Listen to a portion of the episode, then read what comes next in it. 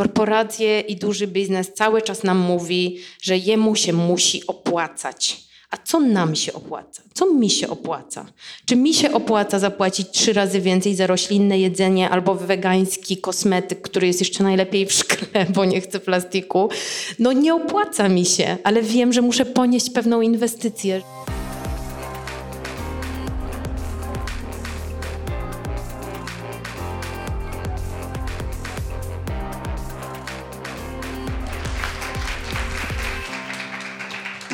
Bardzo, bardzo dziękujemy. E, Krzysiek Grzyman, witam na debacie Jak uratować e, świat. E, Witam się jeszcze raz, bo tak sobie wymyśliłem, że może to nagramy i opublikujemy jako podcast.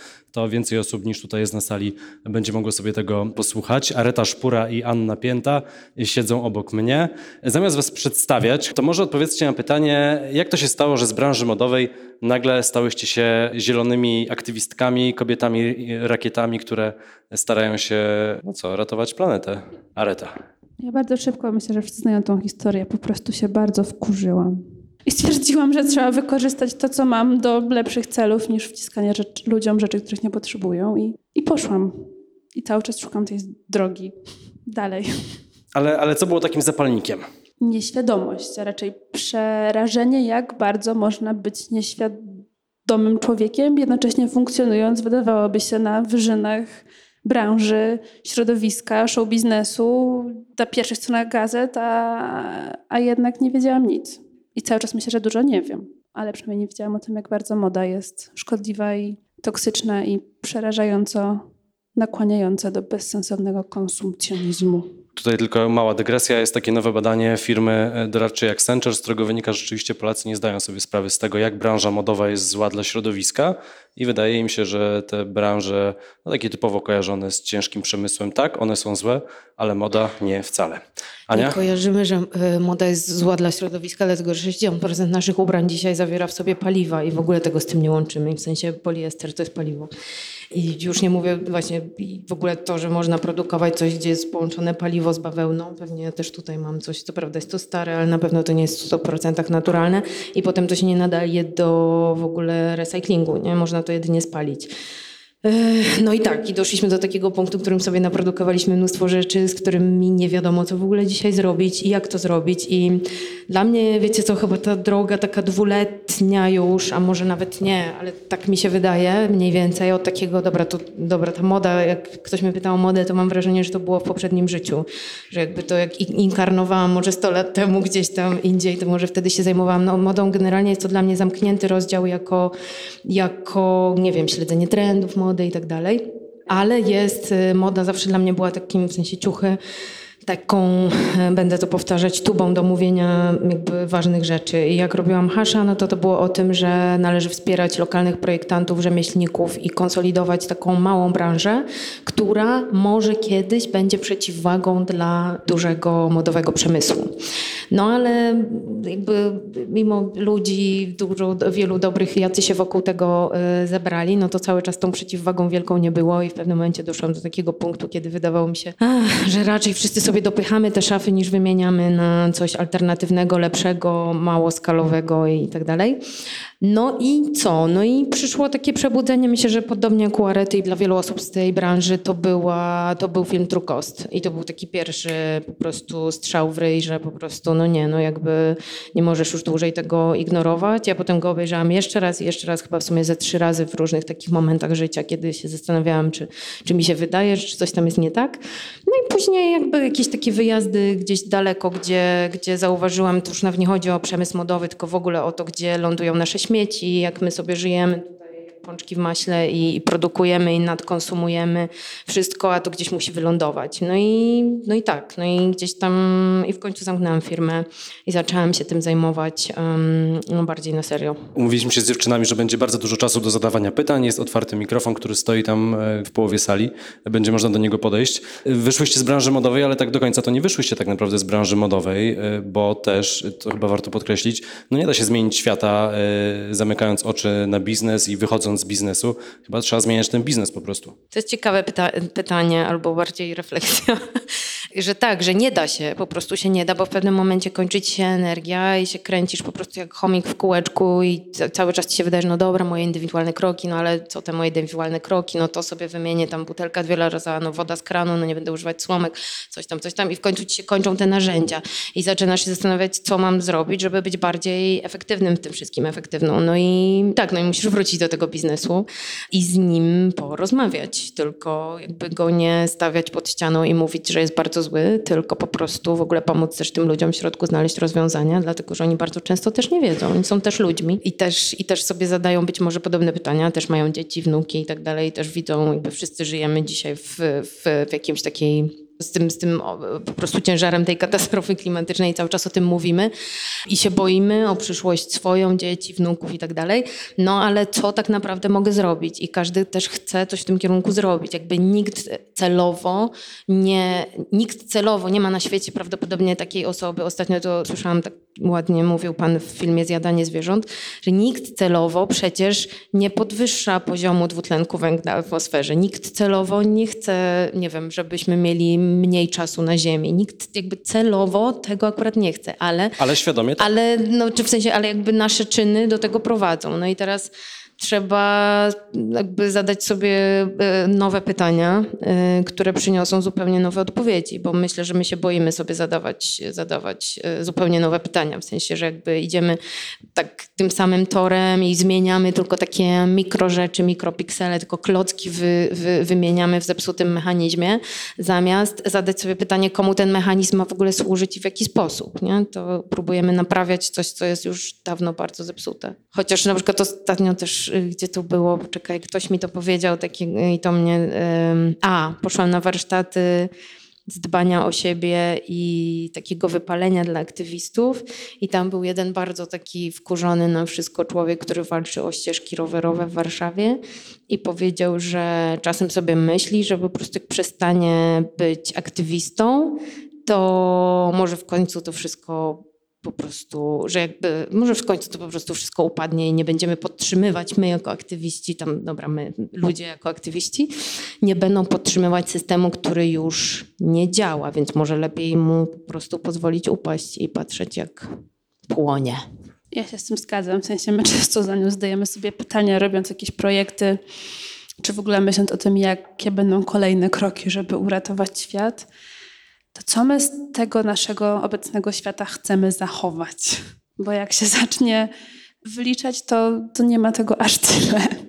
Dobre kontra złe, w sensie wiadomo, przyroda, zwierzątka, wszystko super, ale tego, co ludzkie, to już tych dobrych rzeczy jest coraz mniej. Ale jest to bardzo cenne pytanie, polecam sobie je zadawać. Ale co do biznesu, no to ja wychodzę z założenia, że te duże firmy no nie znikną z dnia na dzień. I, I one już czują presję, że one muszą, nawet jeżeli nie chcą, to, to muszą działać, bo wypada, nie wypada nie działać. Ktoś mógłby powiedzieć, że to jest sprzedanie się i pomoc, współpraca z diabłem, ale no, z drugiej strony ktoś musi im pomóc i albo my im pomożemy i podpowiemy, gdzie najlepiej, z kim pracować, komu pomagać, albo będą próbowali zrobić to sami po omacku, zrobią to dużo mniej efektywnie i, i z dużo gorszym skutkiem, tak? E, a może przy okazji jeszcze się zniechęcą i w ogóle już przestaną cokolwiek robić.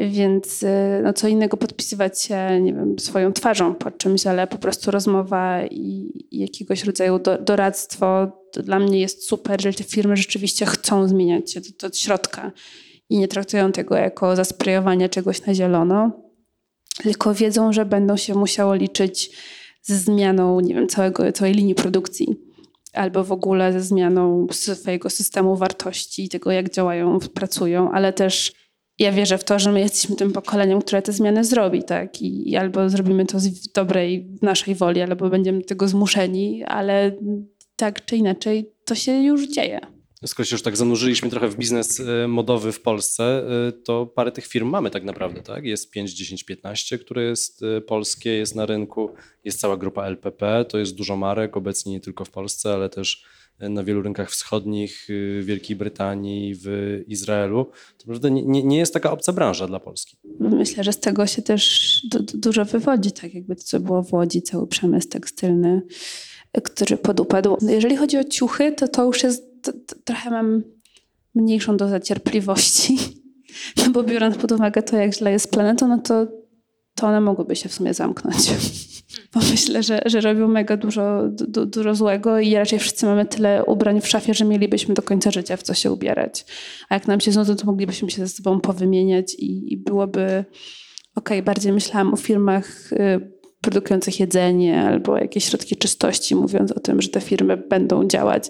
No te firmy ubraniowe też będą, ale mam nadzieję, że no tutaj czeka je chyba największe wyzwanie, jeżeli chodzi o zmianę modelu biznesowego. Jeśli chodzi o, o szmaty, to jest tak, że tak naprawdę ciuchowe, odzieżowe firmy mają, mm, no jest, mm, jakby to jest kwestia zmienienia modelu biznesowego trochę i tego skąd się bierze po prostu, skąd się czerpie zyski, bo, bo te ubrania nadal mogą służyć.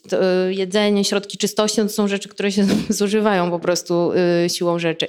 Ale ciuchy, y, jeżeli są zrobione dobrze, mogą służyć wiele lat. Dlatego dzisiaj takie największe trendy powiedzmy, czy kierunki, ja nie lubię tego słowa trendy, bo to znaczy, że coś jest na chwilę, a ja uważam, że to jest jedyny sensowny kierunek w ogóle rozwoju, jeśli chodzi o, o ubrania, że po prostu takie największe już poza blockchainem, który tam ma oczywiście jakoś tam bardzo uczynić tą branżę transparentną, co uważam, że jest bullshitem, bo po prostu jeżeli jakaś firma nie chce być transparentna, to nie będzie i blockchain jest bardziej po to, żeby im zaoszczędzić, im zaoszczędzić pieniądze, żeby nie było podróbek przez tam chiński rynek przechodzących, bo na przykład, dobra, to są jakieś tam ciekawostki, nie będę o tym mówić, więc blockchain tego nie uratuje. Uratuje to przede wszystkim, ja wiem, że to brzmi bardzo miękko, ale mówienie prawdy przez tą branżę to jest jedna z najbardziej zakłamanych branż po prostu na świecie. Zresztą wszystkie kłamią, ale po prostu no, z tą miałam najwięcej do czynienia i tam nie ma transparentności absolutnie żadnej. To, że Patagonia, znowu to mówię, ale nie mam nic Patagonii, przysięgam,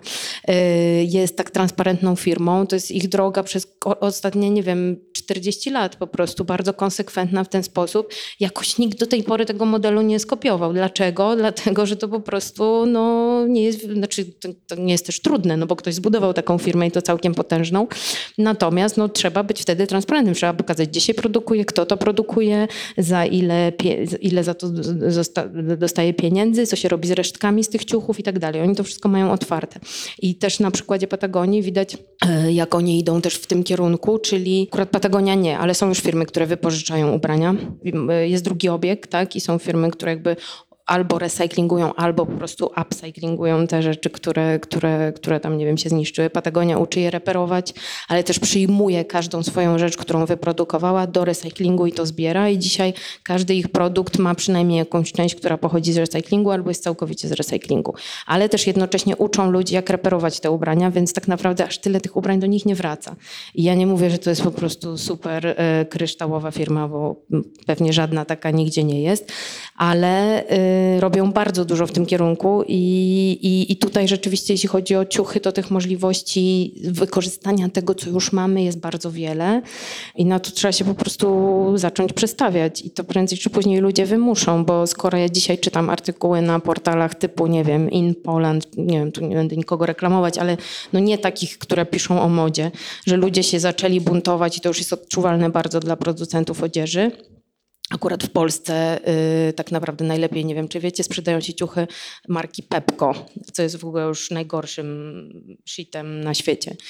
Y, I zapewniam, że każdy ciuch z drugiej ręki, pierwszy lepszy z każdego lumpeksu będzie lepszy niż to, co tam jest nowe. Zapewniam, bo przynajmniej jest wyprany milion razy, a my zakładamy naprawdę wtedy czystą benzynę na siebie. Więc tych dróg do znalezienia y, y, zysku, jeśli chodzi o branżę mody, jest dużo więcej niż tylko podmiana bawełny zwykłej na bawełnę organiczną. To nie jest, żaden, to nie jest, żadne, świadom, to nie jest żadne zrównoważone działanie. Bawełna organiczna tak samo potrzebuje dużo ziemi, żyznej, której brakuje, jak wiemy. Oczywiście ona jest dobra, bo ona dożywia tą glebę, to już odpowiedzią dużo lepszą są konopie. Jeżeli jakby możemy, mamy rozmawiać o jakichś zamiennikach, bo nie potrzebują pestycydów, potrzebują mało wody i też są bardzo, i też y, tam, nie wiem, oczyszczają powietrze i dożywiają glebę, więc w tą stronę bym bardziej szła, jeżeli ktoś się chce tym zajmować, ale nie da się łatwo po prostu zamienić jednej tkaniny na drugą i będzie świetnie, bo problem nie jest, nie, leży nie tylko w tkaninach, tylko leży po prostu w nadprodukcji i nad 45 kolekcji w roku, no to no, no, no jakby mamy dzisiaj tyle ubrań na świecie wyprodukowanych, że wystarczy nam wszystkim na świecie, a wiemy, że są kraje, które, w których nie trzeba nic nosić, albo noszą tylko używane ubrania, albo w ogóle, nie wiem, yy, yy, po prostu zużywają naprawdę do bólu swoje ciuchy, a dzisiaj mamy tyle, że cała ludzkość miałaby w czym chodzić przez kolejne 11 lat, gdybyśmy przestali je produkować. Okay, nie będzie to pytanie, bardziej tutaj taka wstawka. Wypowiedź prezesa H&M pewnie kojarzycie, tak, no bardzo w temacie, czyli nasilający się ruch ekologiczny to bardzo realne zagrożenie społeczne. Protesty polegające na zaprzestaniu konsumpcji mogą być szkodliwe, może to mieć niewielki wpływ na środowisko, ale będzie miało straszne konsekwencje społeczne. Wiadomo, co on powiedział, kto jak to zinterpretował, w kogo to było interesie, to jest oddzielna rzecz.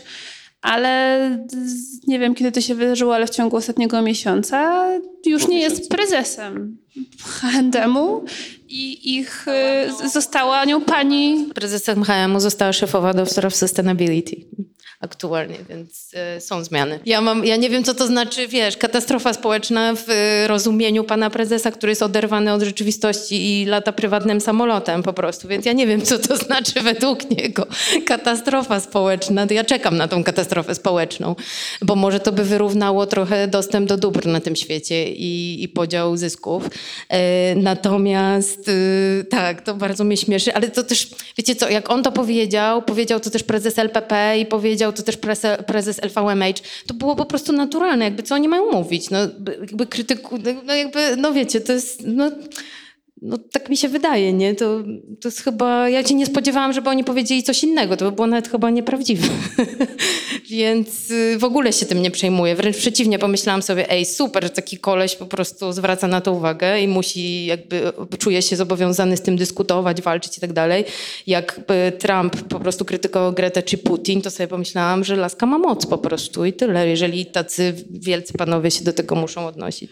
Myślę, że to jest również najlepsza antyreklama po prostu prostu tych sieci i tak jak po prostu Martyna Wojciechowska zrobiła super reklamę w, w wodzie z kranu, tak oni robią super reklamę lumpeksom i, i w ogóle nie kupowaniu ciuchów i tylko nakręcają ten, ten ruch. Ale też Ania wspomniałaś o tym e, gdzieś tam między słowami e, o e, małych krokach i małych decyzjach nas, konsumentów. Niektórzy mówią, że to w ogóle nie ma znaczenia, że wszystko zależy od regulacji i od wpływu regulacji na e, biznes, ale jednak to nasze podejście ma ogromne znaczenie. No bo ja myślę, to oddam Arecie zaraz, bo ona jak zrobiła e, słomki, które się które po prostu totalną burzą się stały w, myślę, nie, nie tylko w Warszawie, w całej Polsce. I dzisiaj się wszyscy tych słomek czepiają, że co to ma za znaczenie, taka jedna słomka w ogóle weźcie, w ogóle wiadomo. E, no tak, tylko że od tego się budu, zaczyna budować jakaś tam świadomość. W sensie masz jeden zupełnie bezpośredni ridiculous plastic, no ja na to mówię, no więc potem patrzysz, kurde, może jednak otaczają mnie inne takie absurdalne rzeczy. I to idzie dalej i dalej i dalej. I tak jak uważam, że okej, okay, jedna osoba tego świata nie zmieni i naciskajmy na korporacje i wiadomo, że to jest największy impact tutaj, no to od tego się zaczyna. Ja, wiesz co, trochę przez te dwa lata widzę, ja to widzę jak taką sieć połączeń, bo o tym dużo z Aretą rozmawiamy, że jesteśmy w takiej pajęczynie po prostu wszyscy i w tych ruchach, ja też uważam, że każdy może być aktywistą, ale to może zaraz powinien i myślę, że każdy jest na swój sposób, albo do tego dąży dąży tylko na swój sposób, że nie ma jednej drogi do tego, ale że po prostu to jest wszystko połączone i tak jak tu pani mi ładnie powiedziała przed chwilą, że się zaangażowała w Zielonych i po prostu totalnie w to weszła, ale to dlatego, że przyszła do niej córka, która jest w Extinction Rebellion. Myślę, że każdy znajdzie swój y, tribe po prostu, swoją grupę, która i swój sposób dotarcia, nie? I ty mnie pytasz o te małe kroki. Te małe kroki po prostu za chwilę są, wiesz, małym kręgiem. Ten mały krąg jest jak takie, jak planet no nie wiem, jak po prostu pole magnetyczne, czy tak, efekt motyla po prostu Areta mi tu podpowiada. Więc o tyle, o ile zdaję sobie sprawę, że jednak tak, jednostka to nie wszystko, oczywiście automatycznie myślę o Grecie i po prostu od razu, od razu chce mi się ten argument zwalić z nóg, ale wiem, bo jest też druga jakby strona medalu, gdzie wielu aktywistów uważa, że w ogóle takie pojedyncze działania nie mają znaczenia, bo trzeba od razu naciskać na korpo. Jeżeli, myślę, że to jest też kwestia narzędzi, jak my Polacy w ogóle się bardzo nie buntują konsumencko, w sensie, że są takie badania, które mówią o tym, tak jak ty mówisz, że ciuchów nie łączą z, z, z klimatem, ale też, że my się nie potrafimy konsumencko buntować, że nie wiemy, że po prostu, nie wiem, wczoraj wrzuciłam na swojego Instagrama jakąś taką szyldozę z mojego rodzinnego miasta z Płocka i tam był taki 20-centymetrowy pasek pomiędzy dwoma banerami, jeden zakrywał prawie cały budynek i od dołu na ogrodzeniu leciał drugi baner i, i został tak po środku taki jeden paseczek na małe okienko, więc napisałam, że może w sumie jeszcze to zakryć by się przydało. I jakiś koleś mi na to odpisał, że no ale przecież to jest własność prywatna. No tak, jest to własność i przecież nie można nic z tym zrobić. Nie? I to jest taki, mm, już tam kult własności prywatnej to jest inny temat, ale że po prostu my nawet nie czujemy, że w ogóle mamy się prawo przeciwko czemuś zbuntować, że jak to? No, no tak, no jest to w twoim mieście, tu jest urząd miasta, może możesz tam pójść i o to zapytać. No nie, to jest po prostu, bo albo mi się nie chce, albo nie czuję, że mogę mieć moc, albo co ja sama, sam mogę. I też dla mnie takie pojedyncze działanie i pokazywanie takiego swoim przykładem, że to ma sens, że to ma moc, yy, no to powoduje, że ja jednak w to wierzę, no po prostu. Jakby, chyba jakbym w to nie wierzyła, to bym nie wstała z łóżka po prostu. Tak, w sensie ten punkt wejścia no, z mojej perspektywy jakby, no, gdzie byłam w innym zupełnie świecie, jak nagle zobaczyłam świat, dobry świat, wspaniały świat, ekologiczny świat, ten próg wejścia był bardzo duży i gdybym pewnie wiedziała od razu, co mnie czeka, to może bym tam w ogóle nigdy nie, nie poszła tą drogą. Ale że to była droga słomki, kubka, butelki, kranówki, niekupowanie i te kroki były coraz większe, ale, ale były krokami i to nie zaczęło, że nagle mam przestać kupować papier toaletowy i, i, i jakby używać tylko liści, bo, bo są, takie, są takie opcje. Ale wiecie, że jakby gdyby ktoś mi powiedział, że od jutra nic, koniec, po prostu tylko jem, co znajdę ze śmietnika, i, no to bym raczej powiedziała, no to dziękuję, wolę zostać w swoim miłym, przytulnym świecie mody i, i, i tak sobie żyć. Ym, więc zgadzam się, że słomki nie uratują świata, ale są dobrym początkiem i i dzięki temu ludzie, no, na, sam chyba jesteś najlepszym przykładem. Tak jak na początku przychodziłam, mówię, Krzysiek, zróbmy coś, to mnie tak wkurza. On tak, dobra, dobra, pomyślimy.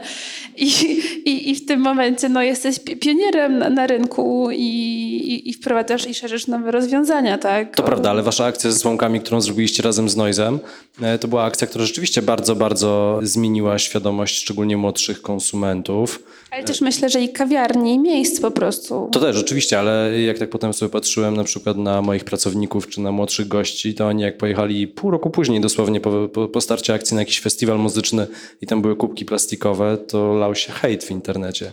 Naprawdę wystarczyło kilka miesięcy, żeby, żeby uświadomić tak wielką e, grupę ludzi. A co? A w tym roku McDonald's się wycofał tak? z plastikowych słomek i wprowadził papierowe. Mi się wydaje, że coś czytałam ostatnio, ale może mylę, jak ktoś może poprawić, że Polska jest jednym krajem w e, Europie na pewno, gdzie McDonald's wycofał plastikowe słomki. No to nie wiem, czy to jest dobra wiadomość. Ja też nie. Nie, no dobra, wydaje mi się, że my po prostu jesteśmy super w wprowadzaniu nowych nawyków. Jesteśmy coraz chętni, chłonni i tak samo ruch Zero Waste w Polsce no, jest jednym chyba z silniejszych ruchów i my się łatwo adaptujemy i łatwo chcemy podłapywać te nowinki. No, tak samo przykład, nie wiem, Ajkosa, czy Blika, czy takich różnych rzeczy, to, no to, to jest super i ja strasznie wierzę w nas tutaj jako Polaków i wierzę, że, że jesteśmy w stanie jeszcze dużo więcej zrobić. Liczę, że jak wejdzie system kaucyjny, to też szybko to łykniemy i się przy, przy, znowu przestawimy. Czy, czy inne udogodnienia, może segregacja śmieci jest upierdliwa, ale dlatego, bo nas zrzucili na głęboką wodę i całą winę zrzucili jakby na, na ludzi, tak? Nikt nawet by nie wpadł na taki genialny pomysł, żeby może jednak zmusić czy to się dzieje, ale żeby zmusić producentów, że to oni mają oznaczyć na swoich opakowaniach, gdzie co wyrzucać, a nie my mamy się głowić. Ja będę stała się głowiła, ale raczej nikt oprócz mnie tego nie będzie w moim bloku robił. No i też nie ma się co dziwić. Ja nie, nie oczekuję tego, tak? Więc to, to, muszą być te zmiany systemowe, ale żeby te zmiany systemowe się zaczęły, muszą chcieć tego, chcieć tego ludzie i to jest takie po prostu zamknięte koło, psychologia i jakby no dopóki jedna strona nie zacznie działać, się nic nie zmieni, więc w tym momencie ja jakby jestem cały czas tylko i wyłącznie za współpracą po obydwu stronach, no i marzę po prostu o tym, że niedługo będę wchodziła do sklepu i nie będę się czuła jak w labiryncie, tylko cokolwiek będę wybierała, będzie okej. Okay. O zrzucaniu winy na konsumentów może jeszcze za chwilę, ale chciałem tylko nawiązać do tego, y, do tych słów, które się pojawiły y, parę minut temu, y, że Polacy nie protestują i nie czują takiej swojej siły jako konsumenci. No nie do końca, bo na przykład protesty pod bankami i pod siedzibami firm ubezpieczeniowych doprowadziły do tego, że sektor finansowy, przynajmniej ten prywatny w Polsce, wycofał się z finansowania inwestycji węglowych. No państwowy sektor nie, z, z zupełnie innych powodów. Natomiast będą takie akcje pod M-Bankiem. Wydaje mi się, że to nawet byli młodzi z Ostrej Zieleni, Y, pod Generali i to dało swoje efekty i to nawet szybko. Bardzo proszę. To jakby pan podszedł do mikrofonu. Dobry wieczór, Mariusz Jańczuk. Ja chciałem zapytać, co się stało z polskim lnem. Jeszcze jako chłopak nastoletni spędzający wakacje na wsi mazowieckiej, 50 kilometrów od Warszawy, uczestniczyłem w procesie, o, o, procesie obróbki lnu od A do Z. Nagle to wszystko gdzieś. Ja się obawiam, że ja panu nie udzielę odpowiedzi na to pytanie. A, a, na pewno jest jakiś. teraz ostatnio, jak e, pozyskiwałam dla marki, do której pracowałyśmy razem materiały, to szukałam lnu i polski len znalazłam we Francji. To znaczy firmę, która robi, e, która korzysta jakby z jakiejś tam plantacji, która czy nie, czy po prostu przez know-how. Nie pamiętam, czy firmę oni wykupili i robią to we Francji, ale firma pochodziła z Polski kiedyś. Ja nie wiem, czy dzisiaj w ogóle się jakiś len jeszcze uprawia w Polsce, ale no ja pamiętam e, jeszcze koszulę od mojej babci, która sama po prostu je tkała dawno, dawno temu lniane i one przetrwały, no nie wiem, jakieś po prostu dziesiątki lat, e, więc naprawdę w sensie tutaj jestem, tak, akurat absolutnie pana popieram, jest kilka takich polskich marek też, które z lnu produkują, ale ja nie wiem, czy to jest całkowicie polski len. Y, pan coś jeszcze chce dopowiedzieć? Mi nie chodzi o konkretną markę czy firmę, tylko chodzi o, um, o kulturę uprawy mhm. lnu. Mi się wydaje... Znaczy na, na pewno to, co wyparło, jak większość tego typu rzeczy, no to, to jest po prostu zalew chińszczyzny czy in, innych produktów super tanich z krajów azjatyckich i to się po prostu przestało opłacać, tak? No, tak, oczywista rzecz. Ale ja byłabym dobrej myśli, bo wydaje mi się, że to wróci.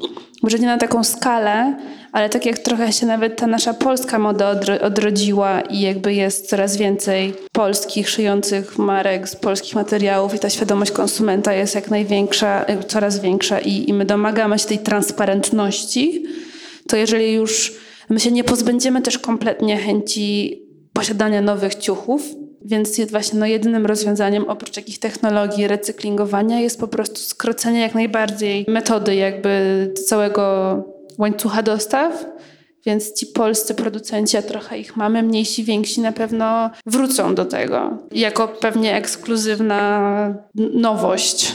A możemy, możemy do mikrofonu? Chciałam Mareta nawiązać do tego, co powiedziałaś, do tego, co powiedziałaś o y, polskiej świadomości, że, jest, że jesteśmy bardzo świadomi, że tu w Polsce jednak wprowadzamy różne rzeczy, zero waste, Y, Warszawa jest w czołówce wegańskich miast na świecie i tak dalej, ale ja mam wrażenie, że żyjemy w swoim getcie warszawskim i jest jeszcze tylko parę miast w Polsce, które mają jakąś świadomość, a wyniki wyborów pokazują, że większość Polaków y, zupełnie inaczej się zachowuje. I gdybyśmy porównali Polskę i przeciętnego Polaka, jego świadomość do przeciętnej świadomości Holendra, y, to jest to nieba a ziemia. Więc nie zgadzam się z tym, że jest nas świadomość. W tych osobach, które tu siedzą i które tu chodzą po ulicach, może być większa świadomość. To jest pierwsza rzecz. Drugą rzeczą jest y, to, co mówiłyście o czymś takim, czy wpływać na zachowania jednostki, że my jednostki e, zrobimy jakieś wybory e, konsumenckie, dokonujemy wyborów konsumenckich, a z drugiej strony, czy wpływać na um, koncerny.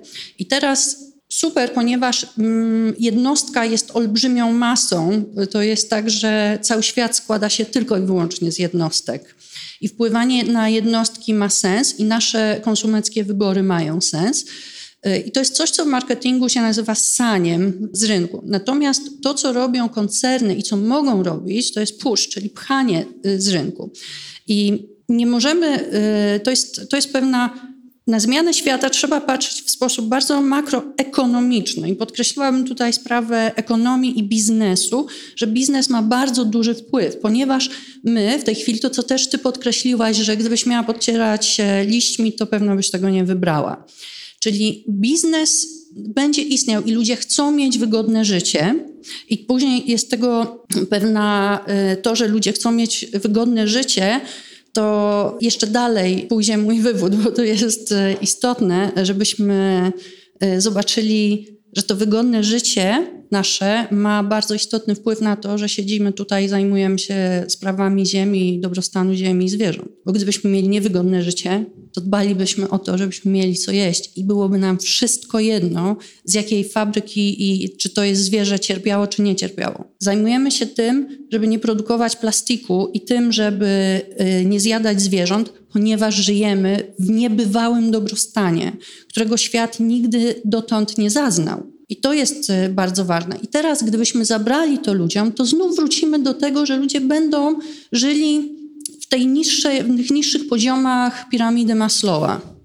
Tak? I to jest rola biznesu, powiedzmy tego alternatywnego biznesu, żeby ludziom dać prawdziwy wybór. I to jest y, coś, co też mi przyświeca biznesowo przy moim biznesie. Jak myślę, to nie myślę o tym, żeby mieć jedno miejsce fajne i sobie w tym miejscu coś robić ekologicznego i takiego, co y, jest bardzo etyczne, tylko mówię, kurde, jak to zrobić, żeby na każdym rogu to było? I dlaczego ja, która pochodzę z Polski, mieszkam w Warszawie, nie mogę zrobić czegoś, co jest na skalę światową i to będzie bardzo duża skala? Hmm, zaczynam myśleć i mówię sobie, kurczę, Branson zainwestował pieniądze w, y, w Beyond Meat Burgery, to spotkał się też z siecią jakichś restauracji, które są wegańskie. Wie, dlaczego nie można zacząć tego robić w dużej skali? Czyli mi się wydaje, że musimy myśleć o tym, żeby robić etyczne rzeczy na bardzo dużą skalę, korporacyjną skalę. I żeby osoby, które w tej chwili, nie wiem, są studentkami, studentami ekonomii, które mają jakiś background taki y, etyczny, powiedziały, ok, to w takim razie wchodzimy w etyczne biznesy. To jest zmiana całego paradygmatu w ogóle myślenia, ale na skalę globalną. To już nie może być właśnie działanie jednostek.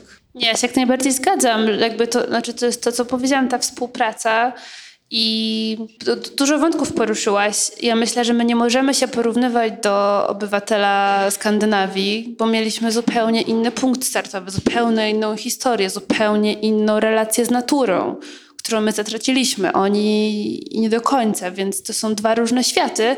Ja mówię po prostu z takiego punktu widzenia tu i teraz, tak? Jakby, gdzie no, nie jeżdżę już teraz tyle po świecie, więc nie mam takiego porównania, no ale że zawsze staram się patrzeć i dostrzegać pozytywy i ta nasza właśnie zdolność do adaptacji i podłapywania jest dla mnie mega mocnym asetem. Tak, my jesteśmy no my żyjemy jak ten pączek po prostu w wegańskim maśle, oczywiście. Albo nie wegańskim. I ja sobie codziennie zdaję z tego sprawę i dziękuję, że mam tyle i mogę tyle, ale też z drugiej strony czuję, że to jest też moja odpowiedzialność, że jeżeli ja nie muszę myśleć o tym, co zjem gdzie będę spała, że mam dach nad głową i mam, jestem w miarę zdrowa, to to jest moja odpowiedzialność, żeby zrobić tak, żeby innym było lepiej, żeby inni też mogli to mieć. My, my żyjemy nad, nad poziom, tak, że my w tym momencie średnio konsumujemy dwie planety. Gdyby wszyscy chcieli żyć tak jak my tutaj, to potrzebowalibyśmy ich pewnie z dziesięć. No, więc, e, więc to, to, jest jakby dużo wątków. Z jednej strony, jakby my tutaj siedząc w Warszawie, w fajnym miejscu, że rozmawiamy sobie wieczorem o ekologii, no to wydaje mi się, że tutaj każdy z nas może zrobić naprawdę dużo, tak? I też dzięki temu, że my będziemy na przykład działali i kładli nacisk na firmy, organizacje i rządy, to osoby, które nie mają tyle przestrzeni i czasu w głowie, żeby o tym myśleć, to będą właśnie mogły pójść do sklepu sieciowego i właśnie nie, jakby nie będą musieli dokonać wyboru, bo wszystko, co będzie, będzie dobre że to jest nasza odpowiedzialność nasza rola w tym wszystkim, żeby wa walczyć o to i działać. To ja mam takie dwie myśli w głowie. Jedno to znowu mi przychodzi do głowy, że wszystko jest połączone i że Skandynawowie są oczywiście super przykładem e, Eco e, Nation, ale z drugiej strony no, na przykład swoje drewno często pozyskują z Polski, więc jakby to jest, e, to nie jest też takie proste, nie? że my tu jesteśmy super nie eko. W Polsce cały czas jest to, cały czas, słuchajcie, ja tego bardzo nie lubię, bo znowu to jest ten punkt odniesienia. My jesteśmy w 48 najbardziej rozwiniętych krajach tam OECD, czy jak coś tam tam nazywa, a jednocześnie cały czas mówimy, że jesteśmy na dorobku, więc musimy mieć te dwa, trzy, cztery samochody. To jest w ogóle dla mnie też ciekawe, bo ostatnio byliśmy z Aretą na konsultacjach społecznych w sprawie powietrza w mieście i, i co? I e, ja się dowiedziałam, że na przykład jeden mieszkaniec, mieszkanka Warszawy ma więcej, to przypada w Warszawie więcej samochodów na mieszkańca, mieszkankę niż w Nowym Jorku. Ja nie widzę, żebyśmy żyli w jakimś mieście, które ma słabo rozwinięty zbiorkom. Oczywiście poza Warszawą, jasne, tu mogą być różne problematyczne, czy jakiś Wilanów i tak dalej, miejsca, z których jest trudniej może dojechać y, transportem miejskim, ale no ja nie umiem tego sobie uzasadnić i w ogóle, no tak. Natomiast jeśli chodzi o tą wielką skalę i to tak, absolutnie się zgadzam, że to, to tylko będzie miało, miało, e, jeżeli to tylko ma szansę coś się zmienić, jeżeli duże koncerny, czy jedzeniowe, czy ciuchowe, to naprawdę skumają i potraktują poważnie. I rzeczywiście, tak jak mówisz, widać ten trend w stronę inwestowania w e, zamienniki mięsa. Polecam, pewnie znasz albo, albo się interesowałaś, na przykład dla mnie wielką aktywistką w tym temacie jest Ela Madej, która ma fundusz 50 Years i w zasadzie wszystkie wszystkie jej y, startupy, które tam w środku ma, jest ich prawie 50, to, jest głównie, y, to są głównie Stany i, i Kanada, są o zamienniki mięsa, nawet już zamienniki, słuchajcie, y, owoców morza, które są po prostu wytwarzane w laboratorium. Więc to jest bardzo ciekawe, że oni nad, nad tym już tak, tak mocno pracują, więc prędzej czy później to przyjdzie chociażby dlatego, że my to wszystko w końcu zażremy. No i, um, i tak, i jakby tak jak wszyscy się pochylali płakaliśmy nad zwierzętami z Australii. Oczywiście było to okropne, ale my tyle samo zjadamy dziennie y, hodowlanego mięsa, co zginęło właśnie w Australii w pożarach. Dokładnie tyle, tam pół miliarda. Czy, e, więc tak, zgadzam się, ale ten trend na przykład już na, nie trend, tylko kierunek inwestowania w impaktowe startupy i też impaktowych startupów, znowu w Polsce jeszcze nie jest tak ogromny, ale jest, zapewniam, bo naprawdę się bardzo tym ostatnio jakoś interesuję.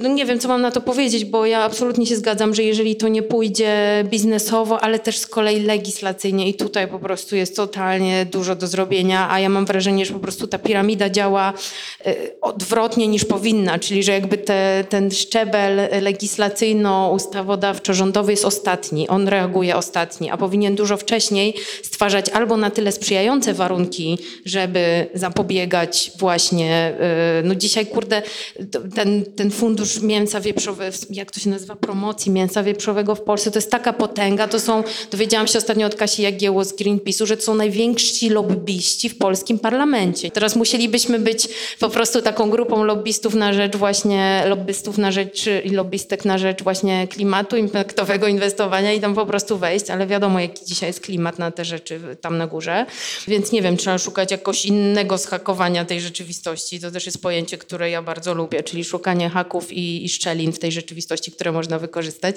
Ale no tak, no to po prostu musisz wszystko w parze, jakby razem, no bo inaczej, inaczej wtedy ani jednostka nic nie zrobi, ani organizacja pozarządowa, ani sami aktywiści, ani tylko jedna, czy dwie, czy trzy posłanki, ani tylko y, jeden, czy dwóch inwestorów, czy jeden po prostu mm, super milioner, który chce zainwestować swój hajs w coś innego. Ja może powiem taką oczywistą rzecz, ale tak mi się nasuwa, że to jest tak, że te zmiany nasze wpływają na świat, no bo też każdy z nas ma właśnie tyle, pełni róż, kilka różnych funkcji w społeczeństwie, tak? Więc jeżeli pan, jakiś prezes firmy się przejmie słomkami, to też może przejmie się potem, albo przejmie się Australią, to przejmie się potem innymi rzeczami i może w końcu połączy kropki, tak? A to jest chyba ten największy nasz, nasze wyzwanie. Po pierwsze to wychodzić z tych baniek naszych wspaniałych i żeby te wegańskie przekąski były na każdym rogu, po prostu roślinne i żeby w każdym sklepie można było mieć taki sam dział mięsny i, dział zamienników.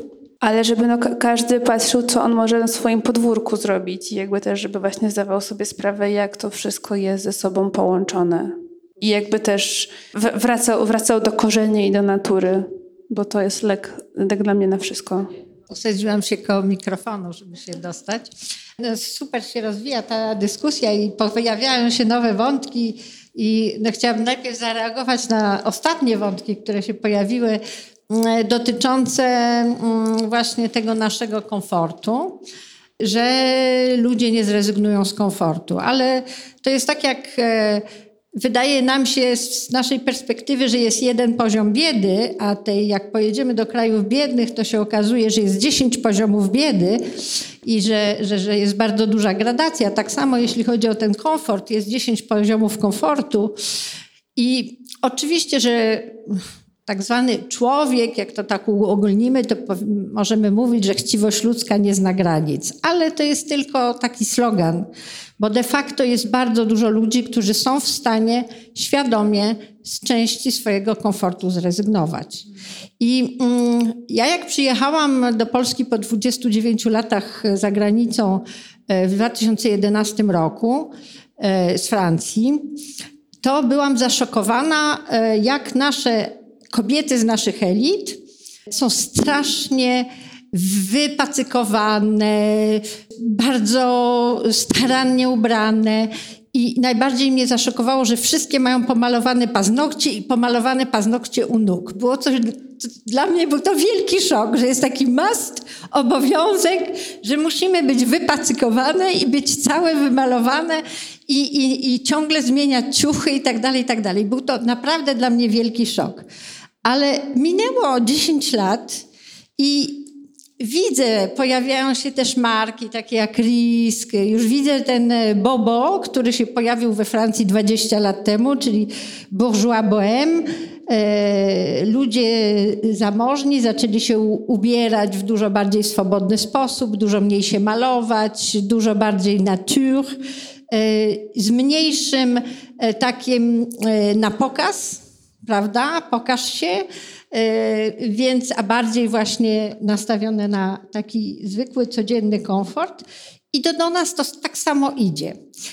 E, jest jedna, e, to jest jednym z naszych problemów, ale też jednym nadziei, to, to właśnie o czym mówiłyście, że Polacy są snobami, strasznymi, ale przez to, że jesteśmy strasznymi snobami, to też te właśnie nowinki, które się pojawiają, to znaczy w momencie, kiedy bycie właśnie takim na za bardzo ubranym, wypacykowanym i tak dalej stanie się niemodne, czyli staje się jakimś tam wstydem, to to się bardzo szybko zmieni. Tak, myślę, że to, ta, ta potrzeba odpowiedzialności pewnej e, ze względu na to, że jesteśmy wrażliwi na efekt mody i, i te właśnie na taki pewien snobizm, że to jest coś, co może się bardzo rozwijać.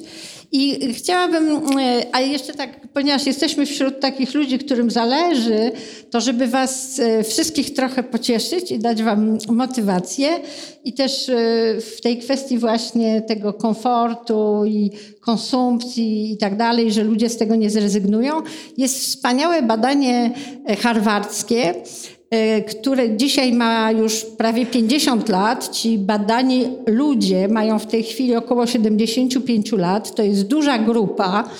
50 e, lat temu studentów pierwszego roku uniwersytecie, na Uniwersytecie w Harvard zaczęto pytać takie pogłębione badania na temat tego, co Wam daje radość, co Wam w tym roku przyniosło największą radość. I to badanie już trzecie pokolenie socjologów prowadzi od 50 lat na tej samej grupie ludzi. Czyli oni przeszli bardzo różne ścieżki życiowe. Niektórzy byli bardzo zamożni, stali się biedni, niektórzy osiągnęli wielki sukces i tak dalej. To jest duża grupa. I okazuje się po tych 50 latach badania, że jest jedna rzecz, która jest najważniejsza dla ludzi i która powoduje, że są szczęśliwi, daje im szczęście, to jest jakość relacji z innymi, a nie poziom konsumpcji i komfortu. I to jest coś takiego, co jest bardzo optymistyczne, ale co musimy przekazywać jako pewna wiedza, bo mamy taką wyobrażenie, że dla ludzi najważniejsze, że, że, że konsumpcja i pewien poziom komfortu daje nam szczęście i ludzie z tego nie zrezygnują, bo to im daje szczęście. Okazuje się, że tak nie jest. Czyli to jest dobra nowina na dzisiaj. A do Was pytanie na koniec. E, jeśli chodzi o tą modę, bo ja obejrzałam sobie ten TED Show z Anną i tam powiedziałaś, że w sektorze modowym pracuje nie pamiętam ile ludzi. Mogłabyś to przypomnieć? Jakaś surrealistyczna, bardzo duża ilość ludzi. Tak, bardzo dużo. Nie pamiętam, pamiętam tylko, że produkujemy co roku 150 miliardów sztuk y, ciuchów, Aha. ale ile tam pracuje i że wartość jest wyceniana na tyle, co PKB y, Kanady, mniej więcej 3,7 Boże, czy, czy wiecie, w sektor mod, mody wszyscy razem, razem z tymi szwaczkami, bo mamy trochę tych szwalni, gdzie Ukrainek dużo u nas pracuje. Y, ile u nas pracuje ludzi w tym sektorze? W sektorze mody? W sektorze mody. I czy wyobrażacie sobie, żeby całość naszego sektora mody przestawić z tradycyjnej jego formy właśnie na formy nowe, bardziej odpowiedzialne, patchworki, recyklingi, hmm wymianę, wymianę i tak dalej, i tak mm. dalej. Znaczy ja sobie to totalnie wyobrażam, e, tylko tak jak mówisz, bardzo potrzebna jest e, wola i chęć e, tej zmiany, ale takiej prawdziwej zmiany. Z tego co wiem, LPP jakieś 5% produkcji w zeszłym roku postanowiło powrócić z tym do Polski, więc jakiś krok powiedzmy w tą stronę jest. Tak, co nie oznacza, że to są dobre warunki, bo szwaczki w Polsce y, też nie otrzymują y, tej tak zwanej płacy minimalnej, która pokrywa y, bardzo konkretne takie podstawowe mm, rzeczy, czyli tam, nie wiem, jedzenie, transport do pracy, leczenie i tak więc tak, te prace w ogóle, praca w modzie chyba gdziekolwiek na świecie jest trochę oparta na wyzysku. Ja wierzę w to, że po prostu y, można to zmienić, y, no ale trzeba po prostu chcieć. I tak jak mówię, to może być wypożyczanie ciuchów, to może być reperowanie, to jakby znalezienie zupełnie innych źródeł czerpania zysku, tak? Tylko trzeba się zastanowić, trzeba to potraktować poważnie i trzeba iść po całości. Nie wystarczy zreperować jednej rzeczy, czy właśnie przenieść 5% produkcji do Polski, bo znaczy, ja wiem, jaki jest też, y, też problem tych firm, bo, bo, bo, bo pamiętam, jak kiedyś y, o tym rozmawiałam z osobą, która dłużej pracowała z innym koncernem modowym, nieważne, że jakby im jakieś rozwiązania, ale na spotkanie w sprawie zrównoważenia przyszedł po prostu y, szef finansów z Excelem i to był jedyny, jedyny ostateczny wyznacznik tego, czy ta firma to wprowadzi, czy nie. No tak się nie da więcej. W sensie tanio to już było. Nie da się dzisiaj zupełnie tanio zbudować systemu, który miałby to wszystko naprawić. Jakby no, no to jest dla mnie w ogóle taki, taka myśl, którą ostatnio miałam, że korporacje i duży biznes cały czas nam mówi, że jemu się musi opłacać a co nam się opłaca? Co mi się opłaca? Czy mi się opłaca zapłacić trzy razy więcej za roślinne jedzenie albo wegański kosmetyk, który jest jeszcze najlepiej w szkle, bo nie chcę plastiku? No nie opłaca mi się, ale wiem, że muszę ponieść pewną inwestycję, żeby, żeby jak, wiesz, żeby coś po prostu się zaczęło zmieniać. Dokładnie. I to jest cały czas to pchanie kosztów w naszą stronę i odpowiedzialności i kosztów. Ja się bardzo na to nie zgadzam, ale cały czas uważam, że no, mam wpływ, natomiast rzeczywiście rzeczywiście, mm, rzeczywiście ten biznes jednak jakby w całości, już nie mówię o pojedynczych jakichś wyjątkach e, fajnych, w całości cały czas chce ponosić jak najmniejszy koszt. Czyli cały czas, ok, my ci zrobimy trochę lepiej, ale my sobie to musimy znowu wrzucić w koszty, więc dla ciebie jest drożej.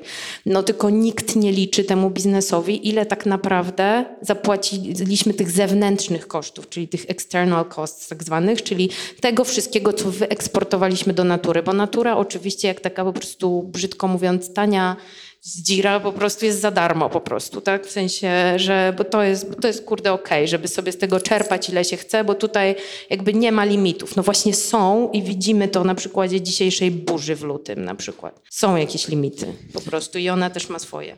Ania, ja mam jeden statement, a drugie, a drugie pytanie.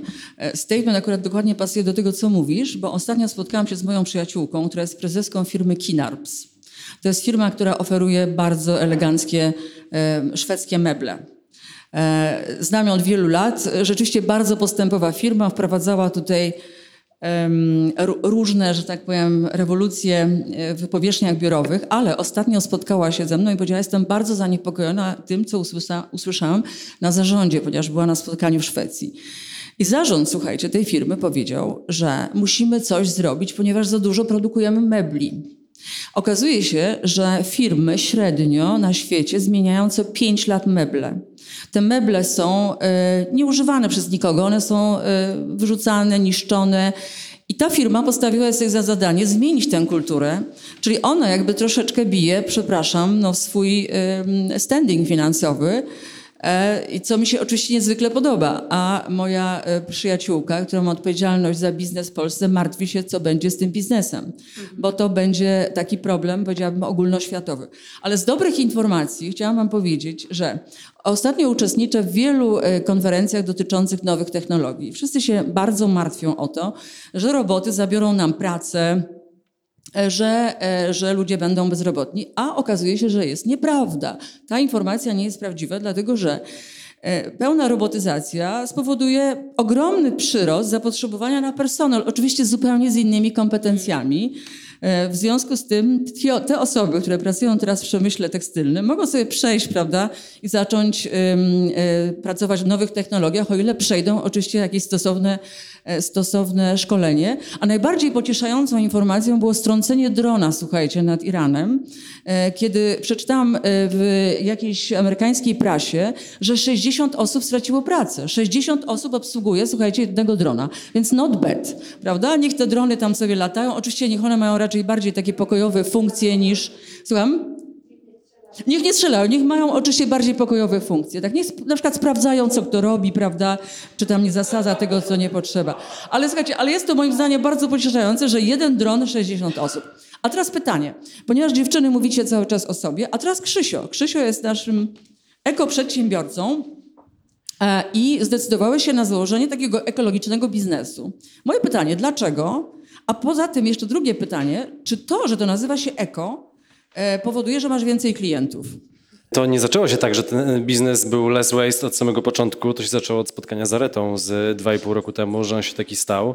E, więc to nie było tak od początku, bo wydaje mi się, że 5 lat temu w branży gastronomicznej się po prostu o tym w Polsce jeszcze nie mówiło. Znaczy to było wszystko, wszystko było standardem. Plastik był standardem, masa śmieci, brak segregowania e, odpadów to było, to było całkiem normalne. Na, mnie uświadomiła Areta, Areta e, zaczęła wtedy akcję ze słomkami. My jak zobaczyliśmy te słomki, pomyśleliśmy sobie, zresztą Areta też to mówiła, że te słomki to jest tak naprawdę tylko taki początek zmiany, tak? To, bo to jest łatwe do wyeliminowania. Trudniej powiedzieć w gastronomii wyeliminujcie wszystkie plastikowe kubki na przykład. No bo, bo potem poszłam na konferencję, zobaczyłam kompostownik i mówię Krzysiek, tak, Musisz się, mieć kompostownik. Potem, potem, się pojawił kompostownik, ale nie, mówię, mówię jak, to, jak to się działo. Także myśmy pomyśleli, no okej, okay, to słomki to łatwe do wyeliminowania, ale to trzeba poszukać zamienników e, opakowań jednorazowych. E, potem, no i też nasza wiedza była mała wtedy, tak? I też nie było skąd czerpać tej wiedzy, bo pojawiły się różne opakowania biodegradowalne. No i co to znaczy biodegradowalne, tak? To znaczy, gdzie je można wyrzucić tak naprawdę i co się z nimi dzieje w Polsce? No w Polsce się nic z nimi nie dzieje. No, I, I, taka jest prawda. A też, e, jeżeli chodzi o odbiór e, naszych e, gości, a gości mamy dość świadomych, no bo kawiarnia jest w śródmieściu Warszawy i chodzi dużo młodzieży. Tak myśmy wrzucili informację, że mamy pierwsze kubki z PLA właśnie tam z dwa lata temu, to się rozpoczęła wojna, a z którego PLA? Czy z trzciny, czy z ziemniaka i że to dobre, a inni mówią, że niedobre. I to były najwięcej, najbardziej angażujące posty, to są naprawdę posty dotyczące rozwiązań e, tych e, eko, ale one nie są angażujące zawsze pozytywnie, bo też wywołują małe małe burze w internecie, więc na to trzeba uważać. No potem odkryliśmy dopiero, że kompostowalne e, to jest najlepsze i gdzieś sobie to, ja mam tę łatwość, że mam bardzo młodych pracowników, tak? Moi pracownicy mają między 20 a 26 lat i oni tym żyją i wprowadzanie zmian z nimi jest o tyle proste, że oni to bardziej rozumieją niż na przykład y, y, osoby trochę trochę starsze i oni też bardzo tego pilnują i to tak bardzo weszło na stałe do jakichś działań w firmie i tak jak nigdy nie mieliśmy za dużo opakowań plastikowych u siebie, jeżeli chodzi o napoje, no to teraz nie mamy ich wcale i nie sądzę, żeby jakikolwiek napój w plastiku mógłby się pojawić, bo w ogóle ktoś by z tym przyszedł do kawiarni, ktoś mi powie, nie, no co ty, plastik to zupełnie, zupełnie odpada, ale potem zaczęliśmy szukać innych rozwiązań,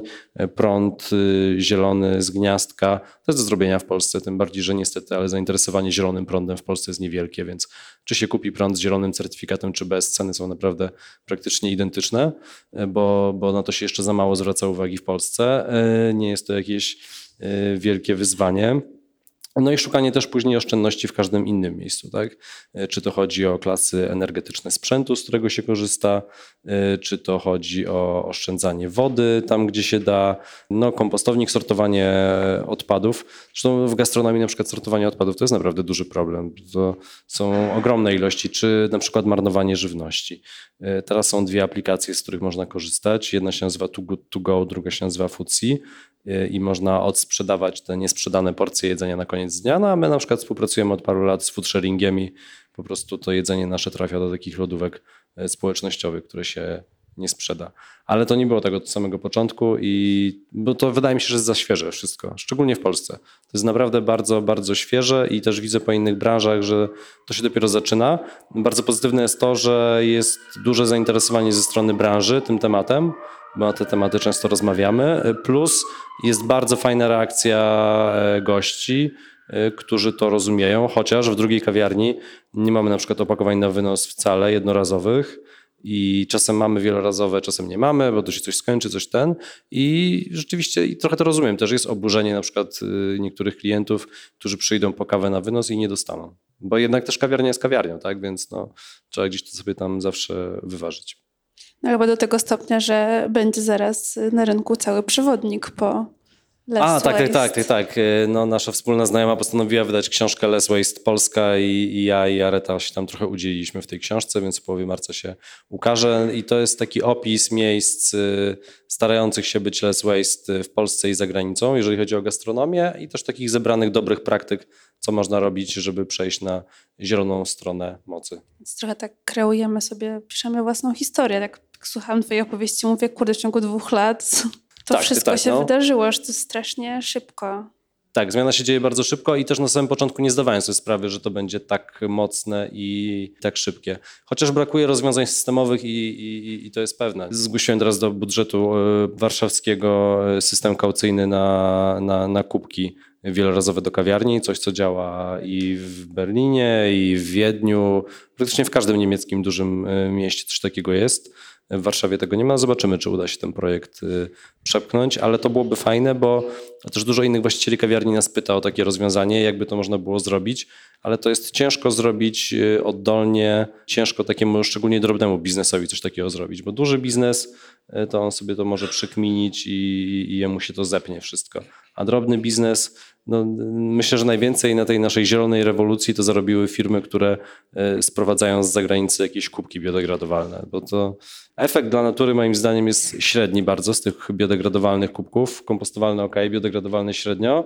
E, Wymóg e, od konsumenta jest taki, że to musi być już minimum biodegradowalne, bo, bo no niestety żyjemy w takim świecie, gdzie ta etykietka e, ma znaczenie, a te firmy po prostu przestawiły się z importowania kubków e, papierowych powlekanych plastikiem na kubki biodegradowalne. To jest w ogóle a propos w ogóle eko-gadżetomanii, to jest jeszcze inna sytuacja. Ostatnio y, właśnie jak była u nas Dobrosława, prezeska Otwartych Klatek, mówiła o efektywnym altruizmie i potem jakaś dziewczyna, u nas w sensie w Mudzie, i potem jakaś dziewczyna na Instagramie zrobiła taki fajny filmik, w którym mówi, że dowiedziała się z Mudy o efektywnym altruizmie i chciała się tym zainteresować i mówi, że to jej dało na maksa do myślenia, bo jakby 50 zł, które ona przeleje na otwarte klatki, może uratować tam powiedzmy ileś zwierząt, a jednocześnie 50 zł kosztuje biodegradowalna nić z kardamonem z jedwabiu do czyszczenia zębów.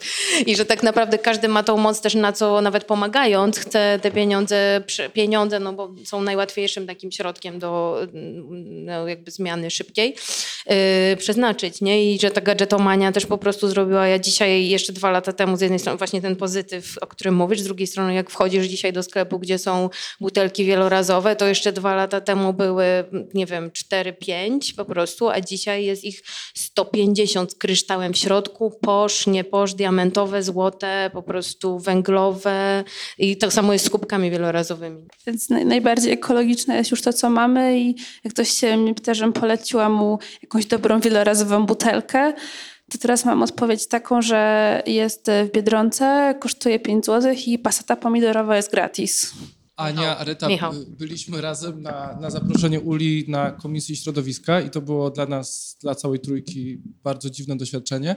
Waszym odbiorcami, odbiorczyniami waszych e, komunikatów są albo konsumenci, albo jak już wchodzicie na poziom taki bardziej korporacyjny e, przedsiębiorcy, a gdybyście mogły dotrzeć do polityków i to do polityków, którzy jeszcze to prawo mogą faktycznie stanowić, bo mogą je przegłosować, to y, od czego byście zaczęły? Za czym byście lobbowały? Co jest najbardziej, co byłoby właśnie e, najbardziej efektywne i najszybsze do, do przeprowadzenia?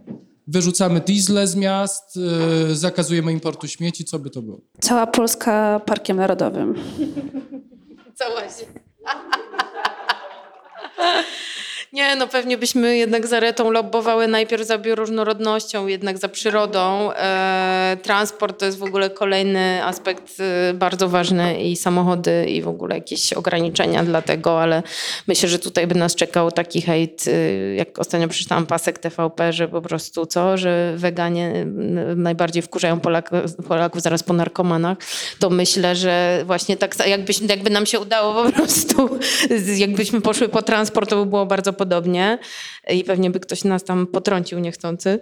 E, ale tak, ale jakby no to no po kolei, w sensie to, co jest dzisiaj największym wyzwaniem, czyli powietrze, przyroda i co można w związku z tym zrobić, czy ograniczać emisję i woda, tak, i woda. To jest jakby trzecia rzecz, wydaje mi się najbardziej e, paląca, to, że w Polsce nie ma zbiorników retencyjnych, e, praktycznie z tym rozmawialiśmy, o małej retencji kiedyś.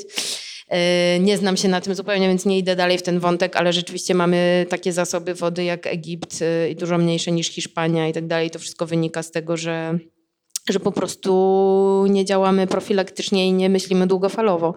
E, więc tak, więc no i mięso, nie? W sensie Polska też jest po prostu e, ogromnym producentem mięsa.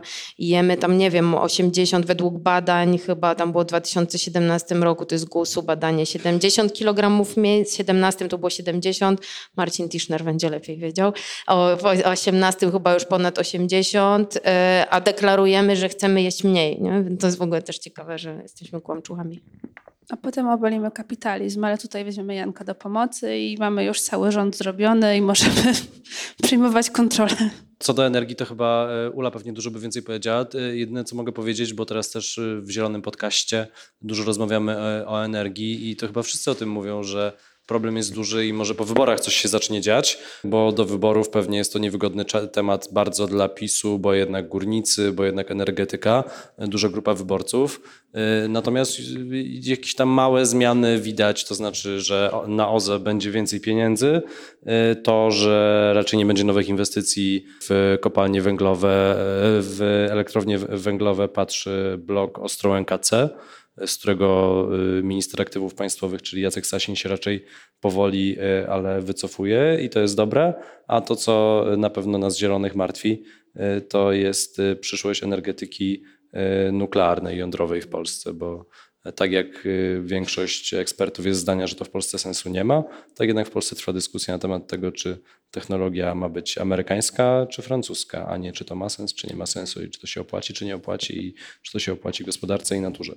Ja to mam taką tutaj interpelację, że jakby, w sensie chcemy w, w Mudzie zrobić taką dyskusję, więc jak ktoś ma propozycję dwóch y, specjalistów, y, jądrowa a OZE, to bardzo chętnie, tylko żeby to nie byli lobbyści danej firmy, tylko jednak obiektywne osoby, w miarę obiektywne albo naukowcy.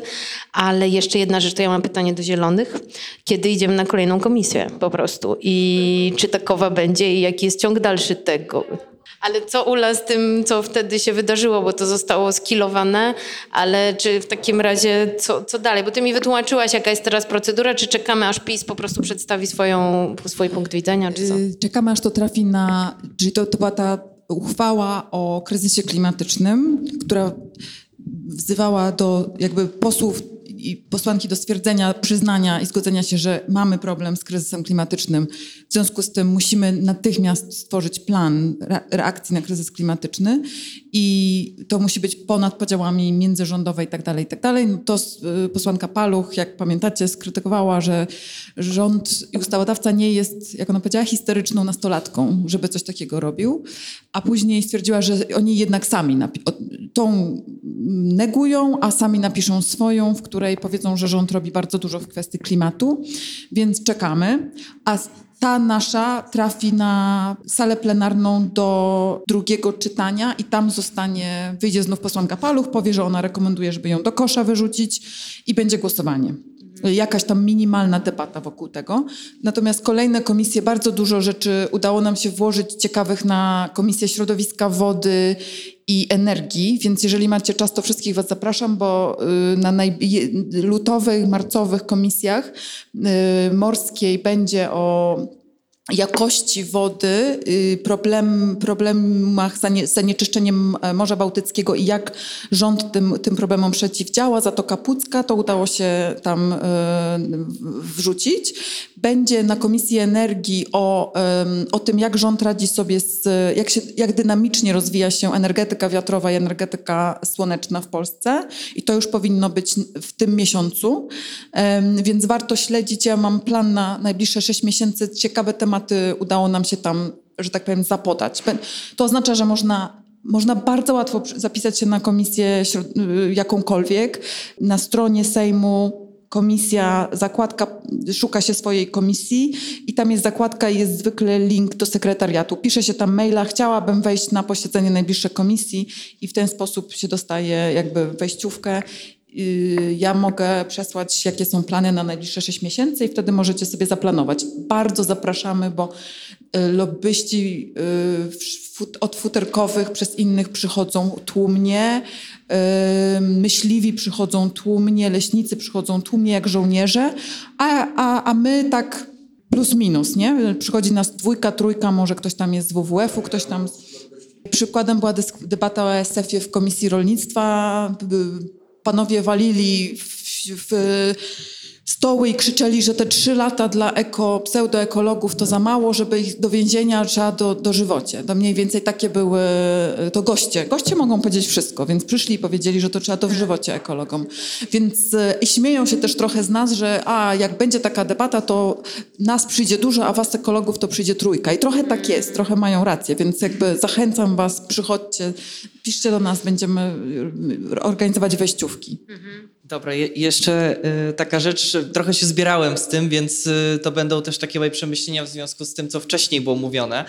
E, ale wydaje mi się, że też, bo tak trochę widzę, szukamy takiej grupy, gdzie tutaj możemy, komu, do kogo możemy się odwołać, z kim możemy o tym pogadać, o naszych, naszych pomysłach, do kogo z tym możemy lepiej dotrzeć. No i tak z jednej strony są ci politycy, no i mamy już jasną sprawę, że no w większości na pewno nie mamy chętnych do tego, żeby, żeby te nasze, nasze pomysły y, przerzucać. Możemy je nagłaśniać, możemy o nich mówić, ale ciężko jest je przepchnąć. Z drugiej strony są duże korporacje, gdzie to idzie bardzo opornie, no i y, na, na, na zapytanie, żeby coś zrobić, przychodzi nam szef od finansów z Double Code Excel i proponuje nam, żebyśmy teraz policzyli, czy na pewno to wyjdzie taniej niż to, co mają teraz. I stąd taka, taka moja myśl, jakaś może sugestia, że mm, taką fajną grupą faktycznie myślę byliby studenci. I to jest taka grupa trochę chyba teraz zainteresowana tematem, krążąca gdzieś naokoło, nie wiedząca do końca, co z tym dalej zrobić. Mniej więcej łapiąca, że jest eko, jest fajne, czująca to, że to jest takie, takie modne, teraz fajne, możemy teraz coś z tym zrobić, ale nie do końca widzą to, tą stronę aktywistyczną, tylko bardziej są skupieni na tej takiej stronie tu i teraz żyjemy tym, idziemy sobie teraz do wegańskiej knajpy na wegeburgera, to jest fajne, ale nie do końca wiemy, co za tym idzie.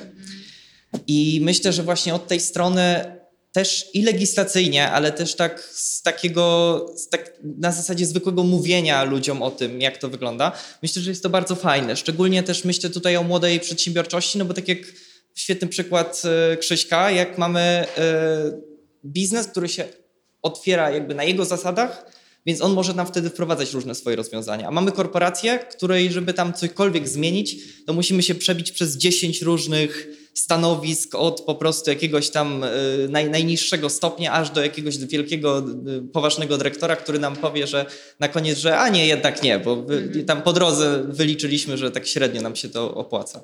Więc fajne byłoby takie zachęcanie młodych osób do y, właśnie pójścia w taki biznes pro-eko i e, też takie łączenie w ogóle tego tematu ekologii, ale też z taką, z taką przedsiębiorczością. Myślę, że to jest, e, to gdzieś padło. Nie, nie pamiętam już, kto to dokładnie powiedział o młodych osobach e, na ekonomii, na kierunku ekonomii, mhm. że właśnie to jest taka potencjalnie grupa, która, która mogłaby chętnie przyjąć taki, taki przekaz właśnie róbmy ten biznes, róbmy go teraz w taki sposób etyczny, i też powiedzieć im jakby na czym to polega. Bo problem największy chyba z jakim ja się zderzyłem, przynajmniej działając trochę w takim środowisku studenckim, to jest to, że dużo tematów jest, dużo jest ciekawych tematów, ale po pierwsze jest trochę ich przesyt, więc trzeba naprawdę hmm. usiąść z tymi ludźmi i im powiedzieć, dlaczego to jest fajne i szukać takich e, okazji do powiedzenia tego twarzą w twarz, bo niestety na, na jakimś Facebooku, na jakichś, na jakichś mediach społecznościowych to ten przekaz ginie. Mhm. Więc, e, więc to jest bardzo trudne. E, no ale jakby sama, sam ten pomysł tego myślę, że żeby spróbować tak jak teraz się tutaj spotykamy, taka moja sugestia, może propozycja, z którą, z którą bym chciał tutaj e, wszystkich zostawić, może e, taki pomysł, żeby się spotkać właśnie w takim gronie młodzieżowym, zachęcić młodzież, studentów do tego, żeby zorganizować jakieś spotkanie. Myślę, że uniwersytety, nie uniwersytety byłyby chętne na takie, takie rozwiązania, żeby się spotkać i o tym porozmawiać właśnie z ludźmi, którzy mogą zakładać teraz biznes na swoich zasadach, mogą iść w etyczny biznes, mogą pracować w miejscach, które, które są ich zdaniem etyczne, mogą postępować dalej etycznie, tylko do końca nie wiedzą, jak to robić, więc e, to to tyle. Myślę, że przede wszystkim Uniwersytet Zielonych mógłby być w tą stronę skierowany i w ogóle pójść Na z promocją Wydział, Wydział Biologii Uniwersytetu Warszawskiego, gdzie w ten weekend spotkałem y, w związku ze Światowym Dniem Bagien czy tam Mokradeł tylu wspaniałych ludzi, tak zaangażowanych, szaleńców na tle biologii, przyrody i tak dalej, z pasją opowiadających o torfowiskach i tak dalej. Na pewno tam można się skierować. Torfowiska ważna rzecz, ale też y, jak byliśmy na tym, bardzo ważna, no, ale jak byliśmy na tych konsultacjach społecznych w sprawie powietrza, to też y, był profesor jakiś ze SGGW, który tam w powietrzu na maksa siedzi, więc jakby tych, tak jak mówię, tym, tych aktywistów jest pełno takich rozstrzelonych. Y, myślę, że tak samo na uczelniach, jak i w firmach i wszędzie. Super twój głos. Jakby co, to ja jakby chętnie przyjdę na jakąkolwiek uczelnię i, i o tym poopowiadam. Im więcej ludzi, tym oczywiście lepiej i naprawdę ekstra.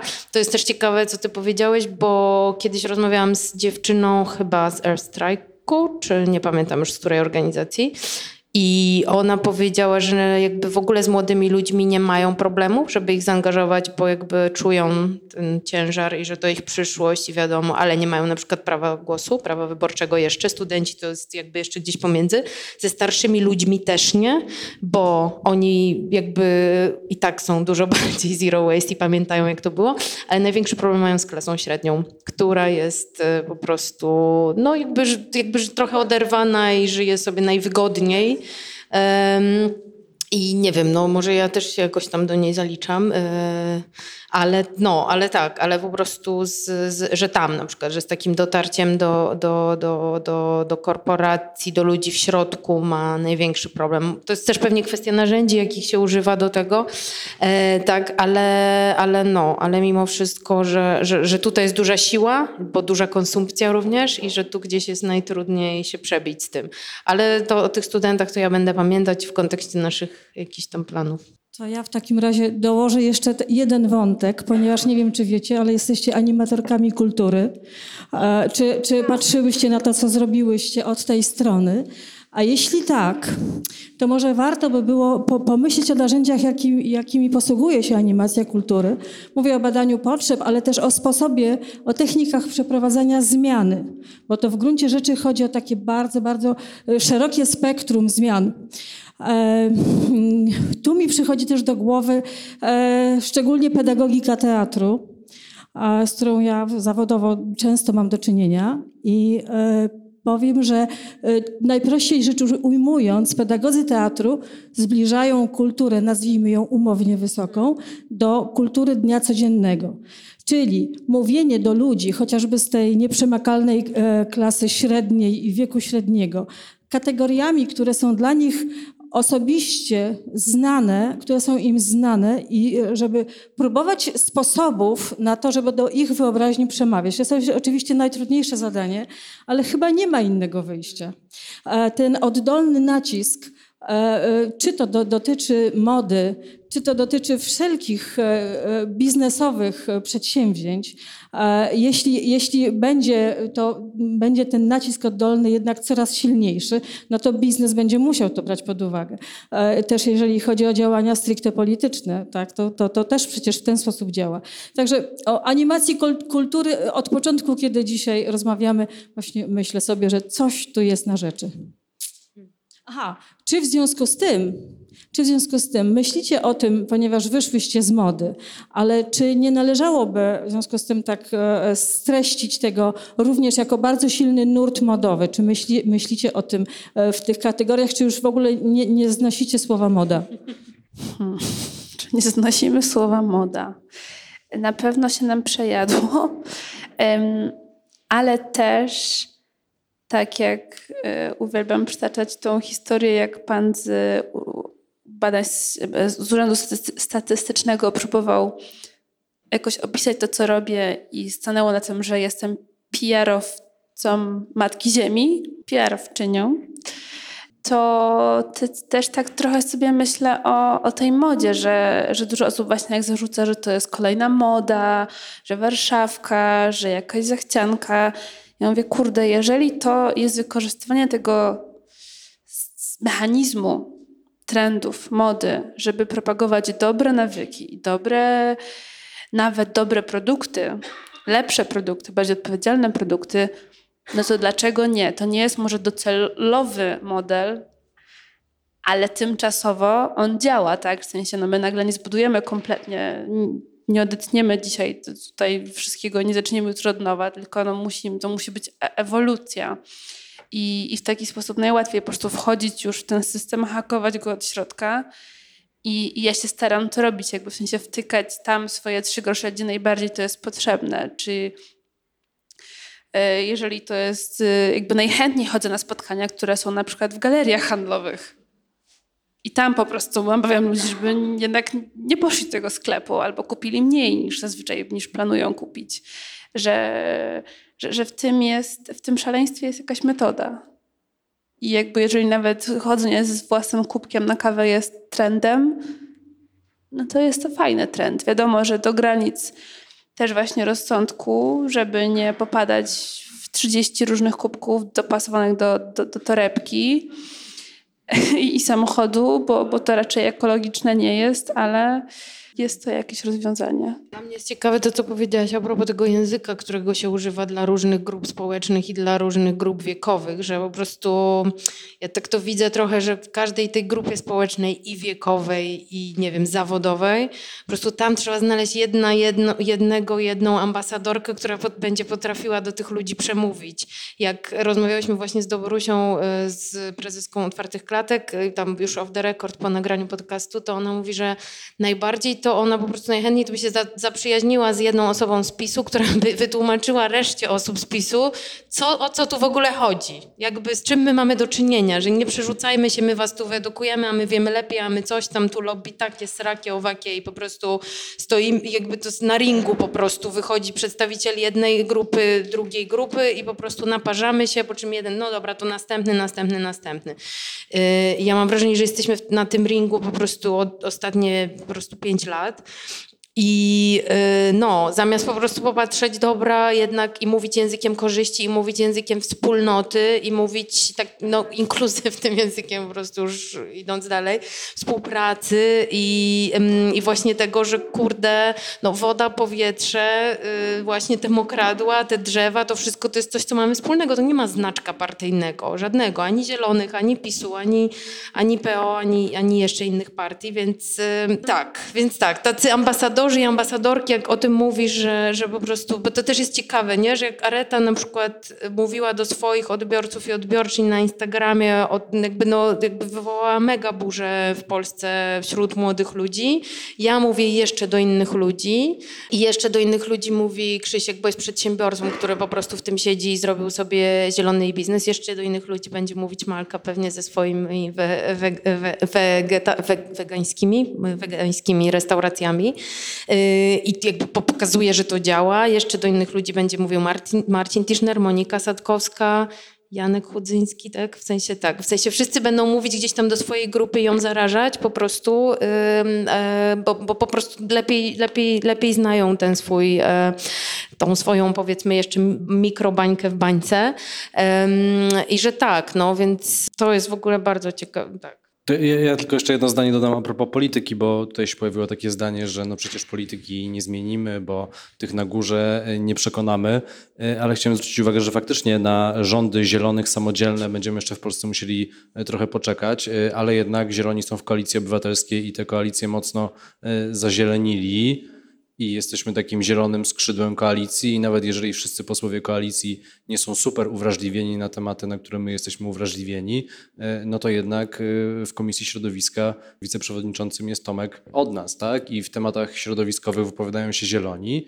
Obok jest jeszcze w Sejmie Lewica, bardzo wrażliwa na podobne tematy. Więc gdyby to wahadło w Polsce się jedynie trochę przechyliło tak naprawdę, jeżeli zacznie się to przy tych wyborach prezydenckich, a potem się prawica pokłóci, co wiadomo w tym są specjalistami, jak gorzej idzie i byłyby przyspieszone wybory e, parlamentarne, to się może wydarzyć tak, że będzie rządził będzie rządziła no, pewnie bardzo szeroka koalicja, ale jednak dużo bardziej świadoma, bo nawet jeżeli e, e, dla Platformy Obywatelskiej te tematy nie są najważniejsze, to Platforma e, jest też świadoma wyzwań zmieniającego się świata i, i wie, że żeby jako taka duża partia centrum, ona musi część z tych postulatów na pewno przyjąć do swojego programu. Tak? To nie będą postulaty, które będą na ich sztandarach non-stop, ale to będą postulaty dla nich też ważne, więc tak naprawdę ta zmiana polityczna, ona nie jest tak, tak daleko. Znaczy ona nie będzie jakoś super ostra, jeżeli chodzi o te partie centrum, ale ona się może zadziać szybciej niż nam się wydaje.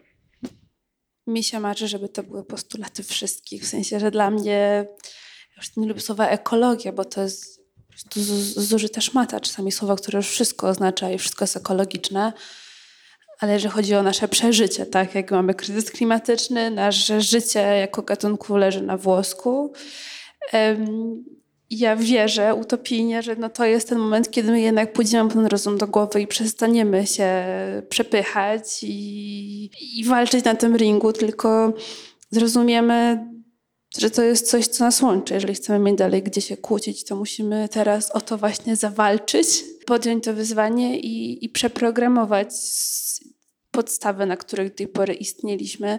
I chyba to pytanie, które sobie głównie z Anią zadajemy, to jest to, jak sprawić, że temat, który na razie wydaje się, że jest dla nielicznych, tak, że to jest dla tej warszawki, elity, że to jest trend, że to są jakieś fanaberie, jak jednak wytłumaczyć, że to jest temat, który jest najbardziej dla wszystkich i nas wszystkich dotyczy, każdego, kto mieszka tutaj na tej planecie. Ekologia y, właściwie jest już y, elementem obowiązkowym y, marketingu każdej firmy i każdej organizacji.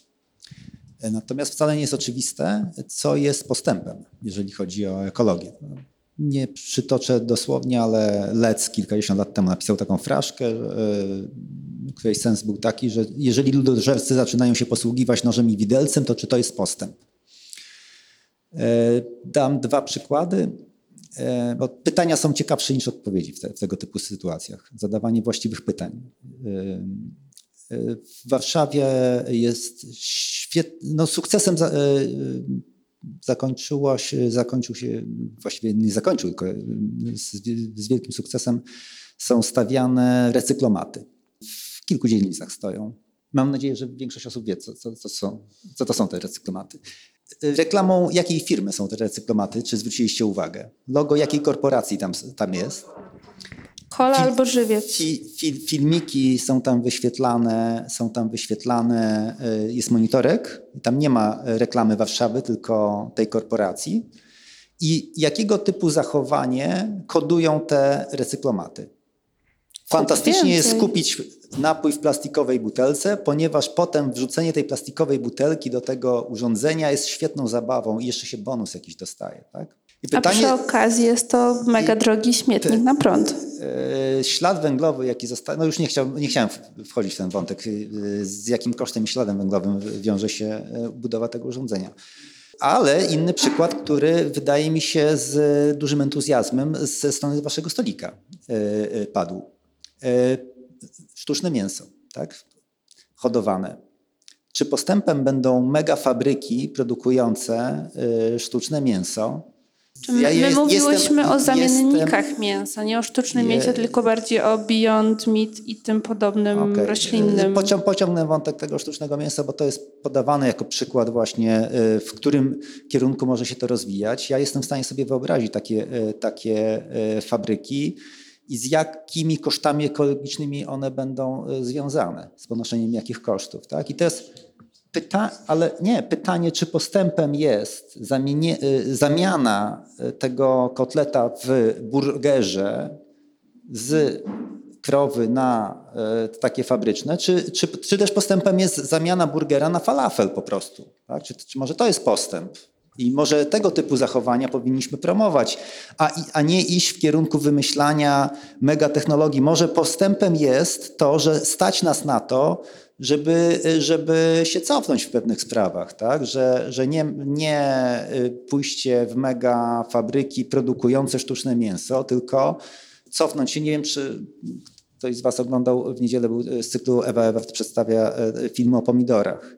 Mamy problem z tym, żeby e, sensowne, smaczne pomidory produkować. Tak? E, Więc e, być może ten komfort, o którym Ma- Malka mówiła, tak, że musimy sobie go zapewnić, to, to nie, nie musi polegać na tym, że będziemy jeść więcej innego mięsa, tylko y, to, że stać nas będzie na to, żeby odejść od mięsa na przykład. Tak? Mieć, mieć przyzwoite warzywa, przyzwoite owoce dostępne, niekoniecznie tanie, ale stać nas będzie na to, żeby kupować te niekoniecznie tanie, dobre ab- pożywienie. Absolutnie się zgadzam. Dla mnie jakby kolejną, kolejną wersją, czy wersją, czy kolejnym krokiem rozwoju jest cofnięcie się w pewnych rzeczach. Absolutnie. Ja nie uważam, że teraz wszyscy będziemy, musimy produkować sztuczne mięso, czy to, to, ale z drugiej strony dzisiaj jest po prostu taki absurd przez to, że alternatyw dla mię, alternatywy na mięsa są na etapie albo startupów, albo są małymi firmami, no to są droższe niż zwykłe mięso, nie mówiąc o tym, że dobre warzywa też są droższe niż zwykłe mięso i chodzi tutaj o tą równowagę, która jest kompletnie, y, tu nie ma w ogóle żadnej równowagi, to jest po prostu kompletnie wywalone w kosmos i myślę, że przy każdej rzeczy, bo to nie chodzi tylko o mięso, to chodzi o ubrania, to chodzi o samochody, jakby jedyną odpowiedzią, do, jedyną alternatywą dla samochodów dzisiaj nie są samochody elektryczne, tylko właśnie może car sharing i jakby współdzielenie i, y, i nie wiem, może nie wiem co jeszcze, tak, zbiorką i tak dalej, że jakby przy każdej z tych dziedzin trzeba być po prostu brać pod uwagę zdrowy rozsądek. Dla mnie zrównoważenie, jakby ja sustainability na polski tłumaczę nie zrównoważenie, to jest dla mnie, bo to jest y, jakby przeciwieństwo y, nienormalnego, więc ja to sobie tłumaczę, że to jest zdroworozsądkowe działanie, czyli zobaczmy, co mamy na mapie świata i co możemy, co możemy tym zamienić. Jeżeli człowiek potrzebuje protein, białka i czegoś tam, no to nie musi tego mieć ze sztucznego mięsa, może to mieć ze strączków i nie wiem, kaszy i orzechów na przykład, tak? E, czy właśnie z falafela po prostu, tak? Czyli tak, czyli to są też strączki, tak? Nie wiem. Nie wiem, bo ja się boję, że po prostu zaraz walnę jakiś e, fuck up tutaj, coś się pomylę, a nie jestem naprawdę, spe- bo już tu lecą takie bardzo specjalistyczne pytania. Ja naprawdę nie znam odpowiedzi na te pytania, to chcę to powiedzieć. Im więcej wiem, tym bardziej sobie zdaję sprawę, że nic nie wiem, no. To, też to nie ja powiedziałam, ale to wiadomo. Maciej, Maciej zamykasz dyskusję. Maciej Zufowicz, dobry wieczór. Jeszcze krótka piłka z mojej, z mojej strony o tym mięsie, bo przecież to, że mięso teraz jest y, tak tanie i tak łatwo dostępne, to nie wynika z tego, że jest tak tanie w produkcji samo z siebie, tylko że jest dotowane i to jeszcze dotowane na poziomie europejskim. Więc gdyby koncerny produkujące mięso musiały rywalizować w warunkach wolnego rynku, a na dodatek też płacić pełne koszty środowiskowe, jakie pociąga za, za sobą produkcja mięsa, to by się w życiu nie utrzymały. Więc to nie jest tylko kwestia rynku i sił rynkowych, ale też kwestia polityki, jaką prowadzą państwa i jakie prowadzi Unia Europejska. Więc y, jeśli mięso jeśli na sztuczne, y, y, sztuczne mięso wejdzie, wejdzie pod strzechy jakoś szerzej, to bez pomocy państwowej będzie dostępne tylko pewnie jako jakaś fanaberia dla bogatych i to, i to będzie w porządku w sumie, bo żyjemy w wolnym kraju, więc jak kogoś e, stać na e, wywalenie kupy pieniędzy na mięso, e, mięso laboratoryjne, to sobie może jeść to mięso laboratoryjne. Natomiast polityką państwa powinno być to, żeby jak najwięcej osób miało, miało dostęp do jak e, najtańszej, jak najzdrowszej żywności, która będzie miała jak najmniejszy wpływ na środowisko. E, Dobrze, dostępn, dostępnej dla ludzi. Ostatnio parę wątków poruszyło, poruszono zostało na temat mięsa. To jest taki temat, którym się szczególnie zajmuję w swojej pracy, więc pozwolę sobie wyrzucić jeszcze tak trzy grosze. Tu jest mowa o tym właśnie, czy warzywa, czy roślinne zamienniki produktów zwierzęcych, czy mięso chowane komórkowo. Jakby tych metod do tego, żeby e, zmniejszyć ślad środowiskowy e, w ogóle sektora spożywczego jest, jest bardzo dużo. E, I każda z tych metod, które dzisiaj padły, jest, e, jest słuszna. W sensie to nie jest tak, że może być tylko jedna, jedyna droga. W sensie uważam, że nie jesteśmy w stanie przekonać, zachęcić em, 10 miliardów ludzi już za 30 lat do tego, żeby wszyscy nagle e, zrezygnowali z mięsa ze względów środowiskowych. Jesteśmy w stanie tego przekonać część osób, natomiast technologie typu e, roślinne zamienniki produktów zwierzęcych czy mięso chowane komórkowo są dużo bardziej zrównoważone środowiskowo niż e, obecny system. I tutaj jakby jeśli chodzi o obecny system, no też jest mnóstwo sposobów, w jaki, tak, w jaki sposób produkuje się mięso. W sensie dotacje faktycznie na poziomie mniej więcej 30 miliardów euro rocznie. W tym momencie ta branża jest wspierana poprzez dotacje bezpośrednie oraz pośrednie, na przykład poprzez to, że rolnicy, którzy produkują pasze, otrzymują dofinansowania na hektar przestrzeni, więc w sumie opłaca im się no, niewielkie, niewiele jakby pracy nad polem poświęcać, e, zasiać wszystko jakimiś zbożami i po prostu zrobić potężną monokulturę, wszystko zebrać, e, przez co największy, najdroższy jakby składnik produkcji zwierzęcej, jakim jest pasza, jest e, tak tania.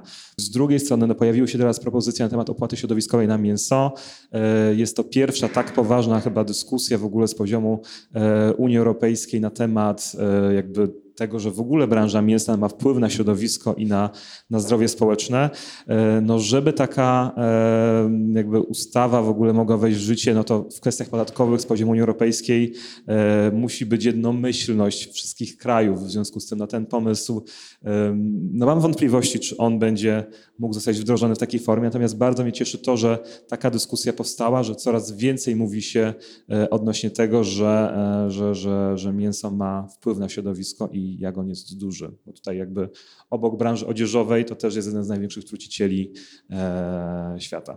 Mnie się wydaje, że to Pani mówiła, że olbrzymi wpływ jednak mamy jako jednostka na wszystkie, konsumenci, na wszystkie przemysły, bo nie, nie jemy mięsa na przemysł, ja tak ekstremę daję. Nie jemy mięsa, upada przemysł mięsny. E, Mniej kupujemy odzieży, upada. E, Ja już od ponad roku mam takie marzenie, żeby stworzyć taki trend, modę, trend na niski ślad węglowy, indywidualny ślad węglowy. I nawet z Hiszpanią rozmawiałam, rozmawiałam z wieloma ludźmi i mówiła, to już się dzieje, to przyjdzie. A tymczasem zauważam, że pojęcie śladu węglowego pada bardzo rzadko. Nawet dzisiaj chyba nie padło ani razu. Teraz padł ślad środowiskowy, ślad węglowy nie. A ślad węglowy obejmuje wszystko. I jak jemy, i czym jeździmy, i jak się ubieramy, i jaki biznes stwarzamy. Mało tego, jeśli my będziemy jako, jako osoby indywidualne z czegoś rezygnować, czyli robić jakiś wysiłek, a może powiem dla niektórych spory wysiłek, to będziemy mieli zupełnie inną moc, energię, taką pewność siebie, żeby naciskać na, yy, na urzędy. Ja jestem na każdym strajku młodzieżowym, mimo że oczywiście tam mam taki strajk mam w Piwniczku. Um, I widzę ciągle te same osoby. Nie widzę w ogóle właśnie tych manifestów w śladzie węglowym, więc już taka będę lekko bezradna. W ramach też budżetu obywatelskiego napisałam taki, yy, wprawdzie podam to ostatniego dnia, więc miałam problem potem mi zapisem, bo musiałam te podpisy zbierać. Taki projekt pod tytułem e, Kampania społeczna, stwórzmy trend, masz moc, bo chciałam to pozytywnie jakoś e, sformułować. Masz moc, obniż swój ślad węglo- węglowy, razem uratujmy naszą przyszłość.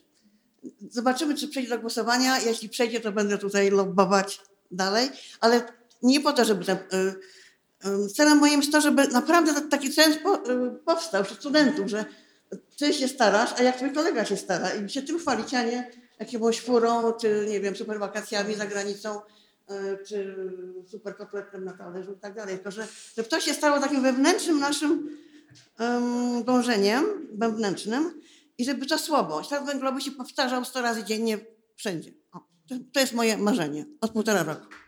Bardzo dziękujemy, bardzo dziękujemy Arecie Szpurze, e, Ani Pięcie, Beacie Tien z Nowego Świata Muzyki, e, która tu nas e, ugościła po raz kolejny. To było dopiero drugie spotkanie. To dopiero było takie drugie, otwarte, zielone spotkanie. Kolejne będzie poświęcone energetyce. Pojawiły się dzisiaj pytania na ten temat, więc jest o czym rozmawiać. Krzysztof Rzyman, bardzo dziękuję.